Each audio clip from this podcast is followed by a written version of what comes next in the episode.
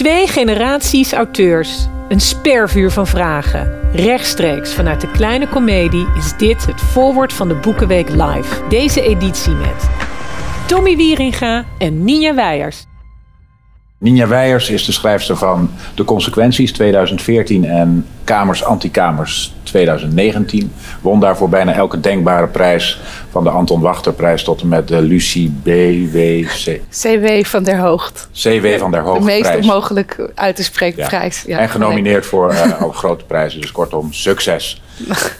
Nou ja, en, en dit is Tommy Wieringa die denk ik weinig introductie behoeft. eh, behalve dat hij, eh, nou ja, volgens mij heb je negen boeken inmiddels geschreven, klopt dat? Ja. Natuurlijk de Libris gewonnen voor Dit zijn de namen, in de Amstel gesprongen.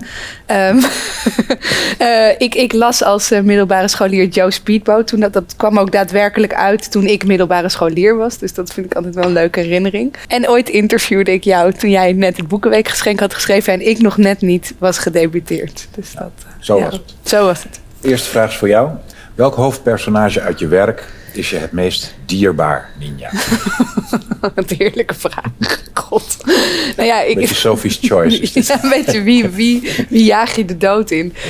Ehm, ja, volgens mij zijn dat, is dat altijd toch je, toch je meest recente werk. Is toch ook meestal een beetje je favoriete werk? Ik weet niet hoe dat bij jou zit. Sorry, ik, zou ga het- dit nee, meteen... ik zou het, ik zou het heel, heel fijn... Ja, ik zou het ook gewoon zeggen, ja. Net zoals je meest dierbare vriend degene is die, die er, die er is. nu die er is, Ja. hè? Ja, dat, die, die er is. Dus eigenlijk misschien wel... Het is het meest dierbare personage een personage dat nu nog helemaal niet gepubliceerd is en, en nog niet op papier staat. Maar je bent Nee. bezig aan een roman. Ik ben, ik ben een soort sluimerend bezig aan een roman. Dat zou ik... eh, Oké, maar nog niet aan het schrijven. nee, nog niet aan het schrijven. Ik moet, En de hoofdpersoon heeft nog niet de, de contouren om er echt van te houden. Nee, maar op de een of andere manier vind ik dat altijd een heel, toch ook een heel prettige fase. Dat je, dat, dat personage eigenlijk nog heel ideaal kan zijn. Of dat, het, dat die, hele, die hele roman natuurlijk nog heel ideaal kan zijn. Maar, wa- wa- want jij, jij werkt volgens mij aan een, aan een groot dik boek nu, of niet? Dat heb ik ergens gelezen dat je dat zei. Ja, een groot dik boek. Toch? Ja, Ja. Maar ik hoop dat het klein blijft, maar het, het, het kan niet. Ik, ben nu, ik zit nu op, op, op... Ik heb nu best wel veel al. Ik ben nog steeds min of meer in de introductie. Dus ja, het kan niet. Het wordt toch een dik boek, ben ik bang. Meerdelig. Nee, nee dat, dat zou niet gaan. nee. Maar ben je nu ook bij je favoriete personage? Ik heb nu wel het te gek personage, ja, maar hij werd pas, hij werd pas leuk toen ik hem, eh, toen ik hem eh, in de ik-vorm vorm gaf. Ja. Toen het hij was, vond ik hem niet zo sympathiek en een beetje flats. Maar toen heb ik het hergeschreven en nu is het een ik. En die is wel, eh daar zit wel leven in, ja. Ja, maar jij bent eigenlijk wel echt een schrijver van personages. Als ik, als ik zo je boeken eventjes door... Toch, Ja. dat zijn wel, ja, wel grootse personages. Ja, ik, ik, vind, Ja. Ik, ik, ik, ik vind het echt levensscheppend schrijven. En, Ja. en, en je hebt niet zo heel veel nodig om, om iemand neer te zetten. Je hoeft hem niet te beschrijven per se, maar uit zijn daden. dat- Ja, ik hou van, van toch wel mensen met daden. Die, Ja. die dingen doen. Ja. Ja. en daardoor leer je ze kennen. Daardoor toch? leer je Ook als schrijver, denk ik dan. Ja. Ja. Ik heb wel eens uitgeroepen toen ik Joe Speedboat aan het schrijven was, schreef ik, in, ik maak dan aantekeningen tijdens het schrijven en ik zei, Joe, waar is je smoel? Ik wist niet hoe die eruit zag, ik wist niet hoe die zich gedroeg, maar pas later begreep ik dat hij natuurlijk helemaal niet het, het wezenlijke personage is van het boek. Hij is een soort projectiescherm waarop alle personages hun verlangens en angsten projecteren, maar eh, ik was wel op zoek naar zijn gezicht, ja. ja. Heb je het gevonden? Nou, hij hoefde dus eigenlijk niet zo'n gezicht te hebben als die jongen die het verhaal schrijft maar een gezicht had. Ja, precies. Dus ik ja. vergiste me. Ja, je vergiste je in je hoofdpersonage. Oké, ik ga je nog een vraag stellen. Welke persoon zou je graag nog eens ontmoeten? Nog eens. Nog eens. Nog Impliceert wel dat je diegene al een Ja. keer...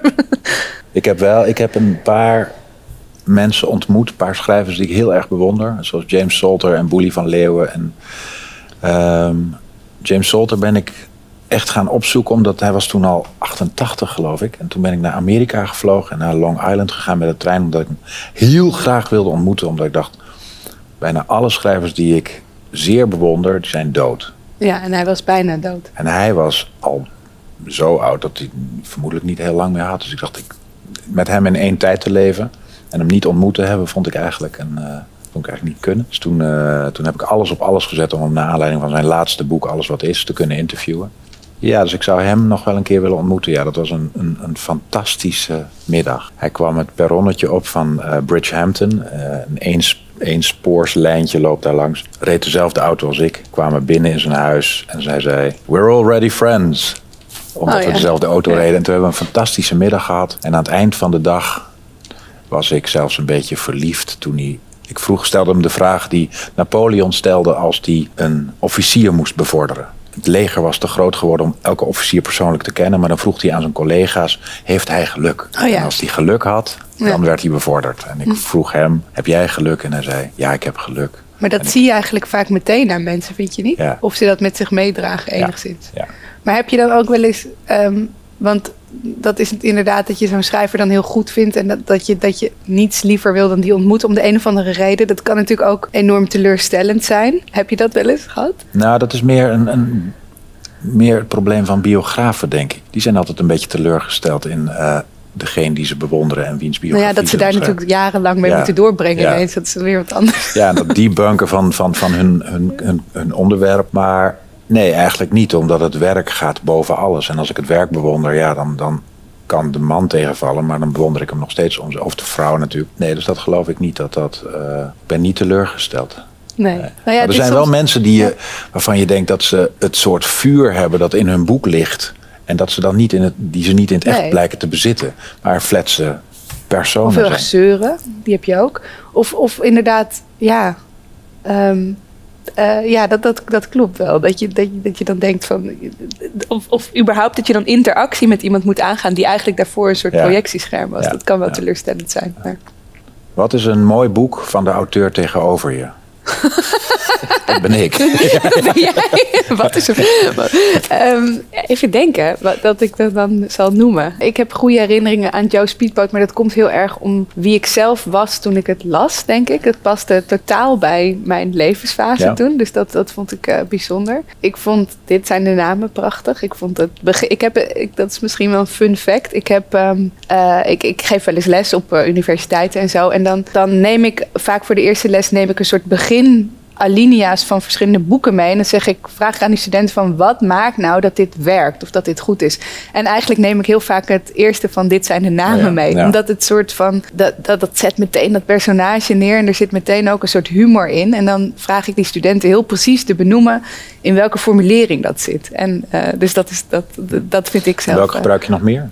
Wat zeg je? Welke gebruik je nog meer? Ja, Lolita natuurlijk altijd Ja, wel. ja. Ehm, ja, dus het voor, ja, voor verschillende. En omdat dat natuurlijk een heel poëtisch Ja, begin is, weer heel anders. Hè, soms, soms, soms zijn beginnen van roman echt heel erg. Ik ga nu dit verhaal vertellen. Dat zit er bij jou ook wel vaak in. Je voelt wel van oké, nu, nu Er wordt wat ingezet. ja, er wordt wat ingezet. Dus dat is voor die studenten altijd wel eh, nuttig. En ook omdat ik, eh, omdat ik altijd als ik dan lesgeef, dan eh, denk ik wel eens, volgens mij vergeten mensen die graag willen schrijven, die net beginnen met schrijven, dat bijvoorbeeld humor zo'n belangrijk aspect is. Dat, die, dat het, die, die mensen denken dat het schrijverschap, dat, hè, dat, dat serieuze literatuur Ja. heel serieus moet zijn, maar dat het humor zo, vind ik zelf. Tegelijkertijd is dat een van de moeilijkste dingen. Humor. Iets, iets, iets grappigs. Een, een, Ja, nou je hoeft natuurlijk ook niet een soort van schaterlach Nee, maar door. maar als contrast vaak Ja. met, met, met toch wel, net als wat in jouw boek, ik bedoel, dit zijn de namen, is natuurlijk vrij, eh, het heeft wel een soort zwaarte ook door de thematiek. Maar hè, er, er wordt, er wordt dan vredelijk, maar dat wordt nergens zwaar. Dus, dus ik vind het altijd leuk om Ja. te laten zien van hoe kun, je, hoe kun je het licht maken. Dus dat is mijn antwoord. Goed antwoord. Oké, dit vind ik wel een leuke vraag. Wat is je vreemdste ervaring met een lezer? Nu wil ik wel echt een eerlijk antwoord. Er zijn er heel veel. Ik hou heel erg van de lezers die naar je toe komen en zeggen dat ze mijn broer nog hebben ontmoet. Dat is een paar keer gebeurd. Tijdens de Boekenweektournee in 2014 kwam er in Nijmegen, na, na ons gesprek, kwam er een eh, vrouw naar me toe en zei: Wat doet hij nu, je broer? Ik zei: Nou, hij is nu curator in Kopenhagen. En eh, ze zei tegen haar man: Zie je wel, ik wist al dat hij wou naar het buitenland al zo lang. Maar ik heb geen broer. Nee. En dat, was, dat, dat, dat vind ik fantastisch. Daar komen daar, dan, dan, dat geeft je een soort kijkje op een leven dat je niet hebt. En dat Toch een interessant motief. Ook vrij specifiek een broer. Dus het Ja, komt steeds terug. ja, nee, ik heb alle soorten is. zussen die er zijn. Ja. Ik heb een tweelingzus, een halfzus. Nee, geen Ja. tweelingzus. Ik heb geen tweelingzus. Ik heb een halfzus, een volbloedzus, een geadopteerde zus, een stiefzus. Dus ik heb alle soorten zussen, maar geen broer. Oké, dus de lezers hebben je een broer gegeven. Ja, en dat vind ik dan leuk om daar, om daar dan eh, om, om, om zo iemand dan een soort, toch een soort bestaan te geven. Dus die is, heeft een tijdje met me meegereisd in die, uh, in die boekenweektourneeën. Mijn uh, imaginaire broer. Maar goed, er gebeuren voortdurend de meest krankzinnige dingen, de meest bijzondere dingen. Tijdens die tournee kwam er een vrouwtje, echt 1,55 meter ongeveer. En die zei: Ik heb jou nog in mijn armen gehad dat, dat is niet meer voorstelbaar. Dus mensen komen met heel veel intieme dingen, ook met herinneringen uh, die ze aan mijn moeder hebben, aan mijn vader hebben. Aan. Dus zo wordt tijdens dat contact met lezers, kom je eigenlijk iedereen tegen uit het leven van mijn, van mijn ouders ook. En ze vertellen me, ze komen met brieven aan, met foto's die ik niet kende. Dus het zijn, uh, dat zijn wel bijzondere ontmoetingen. Ja. Maar goed, de, de, echte dingen, dat ga ik je niet vertellen. dat dacht ik al. uh, nu mag ik weer, hè? Ja. Wie is de leukste persoon die je in de trein hebt ontmoet? Een kleine ad-break voor de NS. Ja, ja, ja, ja um, Jezus, Mina. Ik, ik, heb een keer heel schaamteloos, dat was eigenlijk geen ontmoeting, het was een eenzijdige ontmoeting mijnerzijds. Ik, ik, ik was als kind, en ik heb dat nog steeds, ik was altijd gefascineerd door blinde mensen. Of, of een soort van, dat, dat, dat vond ik zo, dat daar kon ik niet, als ik iemand zag die blind was, dan kon ik daar niet eigenlijk van wegkijken. Ja. En dat heb ik een keer, ik weet, ik herinner me heel goed dat ik een keer twee uur tegenover een blinde jongen heb gezeten. En dat ik eigenlijk echt verliefd op hem werd. Maar, en en dat, dat, ik, dat ik keek hoe die dus een horloge. Weet je wel, hij, ik, ik, ik, ik, was eigenlijk vrij schaamteloos naar hem aan het kijken. En ik herinner me dat heel goed, omdat ik me daar natuurlijk ook heel erg voor schaamde. En dat, die schaamte niet echt kwijt kon. Hij heeft het nooit geweten. Hij heeft het, nee, ja, nou ja, misschien ook wel. Want ik kan me wel voorstellen dat, best wel, dat je dat ook voelt, toch? Ja. Dat er de hele tijd iemand zit die, die denkt, oh, wat, nou ja, goed. Nee, maar ik heb geen, geen grote liefdes of zo in de trein. Heb jij wel eens een, uh, of een soort van, überhaupt? Nee, ik heb er ook. Nee, ik heb, ik heb absurd veel treinkilometers gemaakt. Mijn hele jeugd is een beetje in de trein gezeten. Maar nee, ik heb vooral gelezen. Ik ben in de trein uh, ben ik een lezer geworden aanvankelijk. En later een, een, een, dagboekschrijver. Dus de ontmoetingen in de trein waren vooral met, met, met mezelf. Ik durfde eigenlijk ook niet zo heel goed mensen echt te praten. Ik durfde sowieso niet te lachen. Nee, het is geen, uh, niet uh, lachen. Nee. Nee. Ik ben pas later heb ik leren lachen. uh, jij mag. Of zal ik nog een vraag stellen? Oh ja, dit is wel een goede voor je oh, nog. Tegen welk vooroordeel loop je aan in je literaire carrière? Dat is een betere oh, vraag voor jou dan voor mij. Oh, is dat zo? Ja, denk wel. Oh, grappig. Ja. Um, uh, goh, ja. Uh, dit zijn er natuurlijk wel wat. Wat ik, wat ik misschien heel erg met mijn laatste boek had, was dat er een soort. En dat kwam misschien ook doordat ik ergens denk ik, ik heb dat boek de verkeerde titel gegeven. Ik heb het de kamers, titel. Antikamers. Ja, dat heette Kamers Antikamers. Dat ik zelf een heel mooie titel vond en heel. Dat past heel erg bij dat boek. Maar ik heb het idee dat, dat daardoor mensen soms heel erg denken dat ik heel moeilijk schrijf. Of een Hmm. heel ingewikkelde literatuur schrijf. Dat heel, die heel conceptueel is. Of heel erg van een soort hè, geëikt narratief of verhaal afgaat. En toen dacht ik wel een beetje verdorie. Ik heb eigenlijk gewoon een liefdesroman geschreven, jongens. Het is een soort 19e eeuwse liefdesroman, maar Ja. dan net een beetje anders. En dat is misschien soms. Ik denk ook dat het een. Ja, daarom, misschien begon ik daarom ook over humor. Soms heb ik ook het idee dat mensen denken dat ik heel humorloos ben. En dat vind ik, dat vind ik een moeilijk. uh, dat vind ik een moeilijk voordeel. Het is niet waar. Het is niet waar. Nina Ik heb is niet nee, dat is, zo, dat is eigenlijk heel erg om te zeggen van jezelf. Dat je dus moet gaan zeggen, ja maar jongens. Ja. Ik heb- nee, maar dus, dus ik, ik heb het idee dat ik een soort... Het, is altijd heel moeilijk hè, om van jezelf te zien wat voor, in godsnaam Ja. voor soort ima- imago je hebt. Maar ik heb het idee dat dat een heel... Dat sommige mensen, dat mensen heel snel denken dat ik heel erg ernstig en heel, heel erg serieus en ingewikkeld ben. Maar toch Dat vind is ik... niet mijn voordeel hoor, bij je. wat is jouw Maar ik voordeel? vond Kamers Antikamers was wel een titel waarvan, waar die, die, die niet lokkend is. Nee, begrijp- dat is Ja. ook zo. Dus ik, ik zou dat inderdaad... En ik vond het heel grappig, want er is ne- net een Duitse vertaling... en hebben ze gewoon de hele titel veranderd. Ja. Het Ich zie die vrouw, omdat het eigenlijk drie perspectieven Ja. heeft. Toen dacht ik, oh, een goede titel. Weet je wel? Dus dat, ik vond het heel leuk dat het een soort nieuw leven kreeg met een is andere titel. Maar goed, dat soort dingen. Maar ik vind het toch leuk om hem even aan jou terug te stellen. Oh, het eh, voordeel. ja. Ik zou het niet zo goed weten. Ik, ik, eh, oh ja, arrogant. Echt, we moesten hem echt op Ja, die nee, manier... altijd. Dat is echt, en dat komt, eh, eh, dat heeft een paar redenen, denk ik. Omdat ik op televisie word ik langzamer, want dan, dan word je een soort, ja, er wordt een soort performance van je gevraagd en je Ja. moet snel zijn. En ja, ik, ik, ik vertraag dan juist. Ik word, ik word langzamer en misschien dat mijn stem ook een beetje zakt. Eh, dat, is, dat, dat, zou, dat is denk ik nervositeit. Als het gesprek makkelijk loopt, dan verdwijnt dat onmiddellijk hoor. Maar als het, als het niet, niet op gang komt, dan, dan blijft het die, die, dat, die zwaar te houden. En, en het is natuurlijk zichtbaar, want kaal, en iemand die zijn hoofd scheert, ja, die is met zijn uiterlijk bezig. Dus, dus arrogantie en ijdelheid, die, ijdelheid ook. Die twee, ja. Arrogantie en ijdelheid, ja. Dus eh, Is het dan omdat je vaak... Je hebt nu, nu bepaald niet een pak aan, maar je hebt wel vaak ja, mooie pakken aan. Ja, ik ben nu in, we zijn nu in corona-mood. Ja, precies. Je bent er gewoon helemaal in, je bent er helemaal ingegaan.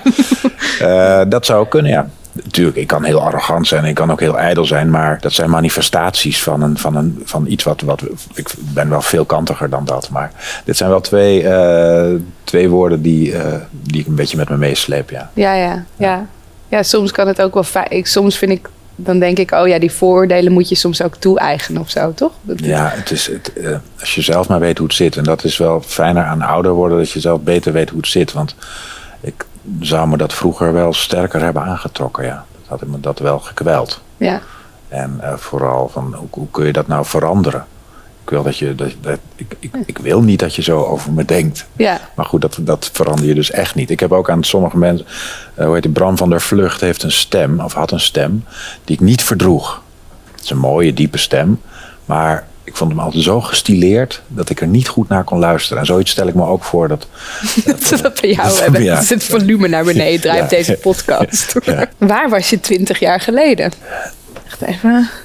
Twintig jaar geleden, eh, toen was het twee, eh, 2001. Oh ja. Eh, vermoedelijk in het, ergens in een trein in Ethiopië. Tussen Addis Abeba en eh, Djibouti aan het denken over hoe ik in godsnaam een boek moest schrijven. Ik had twee min of meer autobiografische eh, romans geschreven. Tenminste, sterk autobiografisch geïnspireerd. En ik realiseerde me al vlug dat ik niet, dat dat niet de route kon zijn. Want ik was eigenlijk al Ja. uitgeschreven. Toen was ik heel erg aan het woekeren en aan het ploeteren om iets anders te verzinnen voor mezelf. En moest je daarom ook naar Ethiopië? Nee, maar daar heb ik het wel gezien Ja. in de trein. De, hoe het anders moest. Oké, dus eigenlijk twintig jaar geleden was het een sleutelmoment Sleutel, in de trein absoluut. in Ethiopië. Ja, ja, ja, nee, en toen ben ik opnieuw begonnen. En eh, eh, dat boek werd Alles over Tristan. En dat was Ja. het eerste boek wat ik, wat ik geheel en al uit mijn, uit mijn eh, verbeelding heb gepeuterd. ja. En dat was eh, een, een, een ontdekking van, van, van levensbelang. En dacht me. je, nu kan, ik, nu kan ik altijd verder? Ja, die ruimte is oneindig. Ja. Ja, Ja, dat is fijn, hè? ja. Ja. ja, dat is inderdaad grappig als mensen, omdat Kamers, Antikamers mijn laatste boek was, dus speelde met biografische gegevens. Ja. En dan denken toch mensen altijd, dat is misschien ook nog een voordeel, dan denken mensen, oh, die is nu, die, die, die is nu zo'n schrijver. ja. En dat vind ik eigenlijk wel weer leuk aan het voordeel, omdat je dan heel veel energie hebt om dat weer te gaan Ja, ontkrachten. precies, dat is ja. natuurlijk ook Ja. een soort, ja. ja, Twintig jaar geleden, toen was jij twintig jaar 12 geleden. of zo? 13, ja. 13? Ja. toen, toen, zat ik, eh, toen eh, was ik een soort half ongelukkig, net niet tienertje op. Curaçao.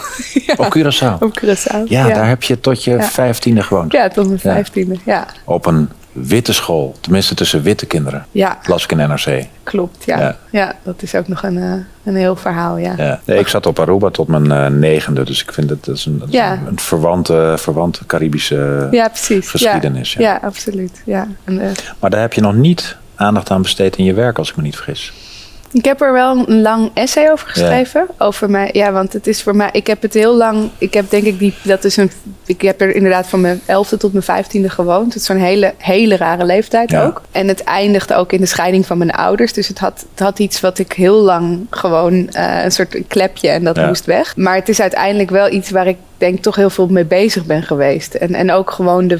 Ja, dat zul je wel herkennen aan, aan ook op, in dat Caribisch gebied te hebben gewoond. Van wat, wat heb je daar nou eigenlijk. ge- Wat hebben je ouders daar gedaan? En wat heb jij daar gedaan? En hoe, hoe werkt zo'n eiland? En heb je het ooit leren kennen? Kun je het ooit Ja. kun je zoiets leren Ja. kennen? En dat, dat zijn wel dingen die me. En ik heb Spreek je papiermens? nou, een heel klein beetje. En Hmm. dat is dus bijvoorbeeld ook zoiets wat ik heel. Ik, ik, ik heb het. Dat is voor mij met heel veel schaamte uiteindelijk omgeven, denk ik. Dat hele, En is die schaamte die later gekomen of heb, had je die toen al? Ik denk dat ik die Ja, dat is wel een goede vraag. Ik denk dat ik me daar toen niet zo heel bewust van was. Omdat ik, ja, weet je, je bent van je dertiende... Je hebt Hm. dochters die ongeveer... Die, nou ja, die zijn nog Ja. net niet die leeftijd. Maar ik bedoel, dan ben je... Je zit op zo'n raar scharnierpunt van kind naar een soort tiener. En je. Ja. moet, je moet van alles en je moet in een groep passen. En je, dus ik denk dat die echt die schaamte pas wat later kwam. Hm. En ook toen natuurlijk het hele discours ook hier veranderde. Ik bedoel, de afgelopen jaren zijn we over al die dingen heel anders gaan praten. Maar eh, wel die vage scha- En daar heb ik ook wel geprobeerd over te... In mijn laatste boek heb ik er wel ook over geprobeerd te schrijven... van wat dat dan... Kun je die, kun je die schaamte precies... Kun je eigenlijk weten waar je precies voor schaamt of zo? Dat, dat, dat vind ik nog steeds een soort interessant gebied van... Wat, wat, wat is die schaamte dan precies? Eh, maar het is, het is voor mij wel een... Ja, het is een, het is een ingewikkeld onderwerp... waar ik het ook wel vaak... Ik heb het er ook vaak over met, met mijn ouders bijvoorbeeld. En, eh, dus Maar niet meer samen. niet meer samen. Nee, Nee, nee, voor dat mij, niet. dat was, bij mij was het ook het einde van het huwelijk. Oh ja, ja dat is gewoon een Wat goede doen die eilanden met onze ouders? ja. Ja. Maar daarmee heb je wel het woord aangeroerd waar het volgens mij eh, eh, een heel belangrijk woord in schrijven, schaamte. Ik denk dat, dat, dat, dat, dat schrijven een voortdurende omgang is met je eigen schaamte. En eh, waarom schrijf je überhaupt? Dat is al een schaamtevraag. Ja. Ho- hoezo, hoezo jij? Ehm, Je mag nog nu net je zin afmaken, terwijl we net bij de kern waren gekomen. de, de schaamte, ja. ja. Ja. Nee, dat is volgens Ja. mij eh, een, kern, een kernelement, ja. ja, volgens mij moet je ook altijd daar toch op een bepaalde manier naartoe. Omdat je anders, dan is het ook niet echt Ja. de moeite waard, denk ik. Om... Ik probeer mijn dochters enigszins op te voeden zonder al te grote schaamtes. Maar het, het, het, het is een zelfgenererend Ja, proces. Ja, maar ik, wil ze, ik, wil, ik, ik probeer tijd te vertellen dat de geïnternaliseerde ander, dat die blik je zo kan hinderen en zo lang kan hinderen. En je van, van het echte werk kan afhouden. En toch, het gebeurt. Tuurlijk, maar Het gebeurt voortdurend. En ik probeer, ja, het is, het is een hopeloze zaak. Ja. Maar als ze maar de helft minder Nee. hebben dan ik had, dan is het dan het ja, maar dat is ook, je moet, ja, je moet er toch doorheen, denk ik. Toch, je moet er, Ja, maar, je moet het maar, zelf, maar, maar moet velen het komen er, niet eens, komen er niet eens aan toe voordat ze er doorheen. dat- En komen er dan ook niet doorheen. Goed. schaamte. Anyway. Ja, goed. Schaamte. was reuze leuk, met ja? schaamte. Ja, inderdaad. Ja. Dankjewel.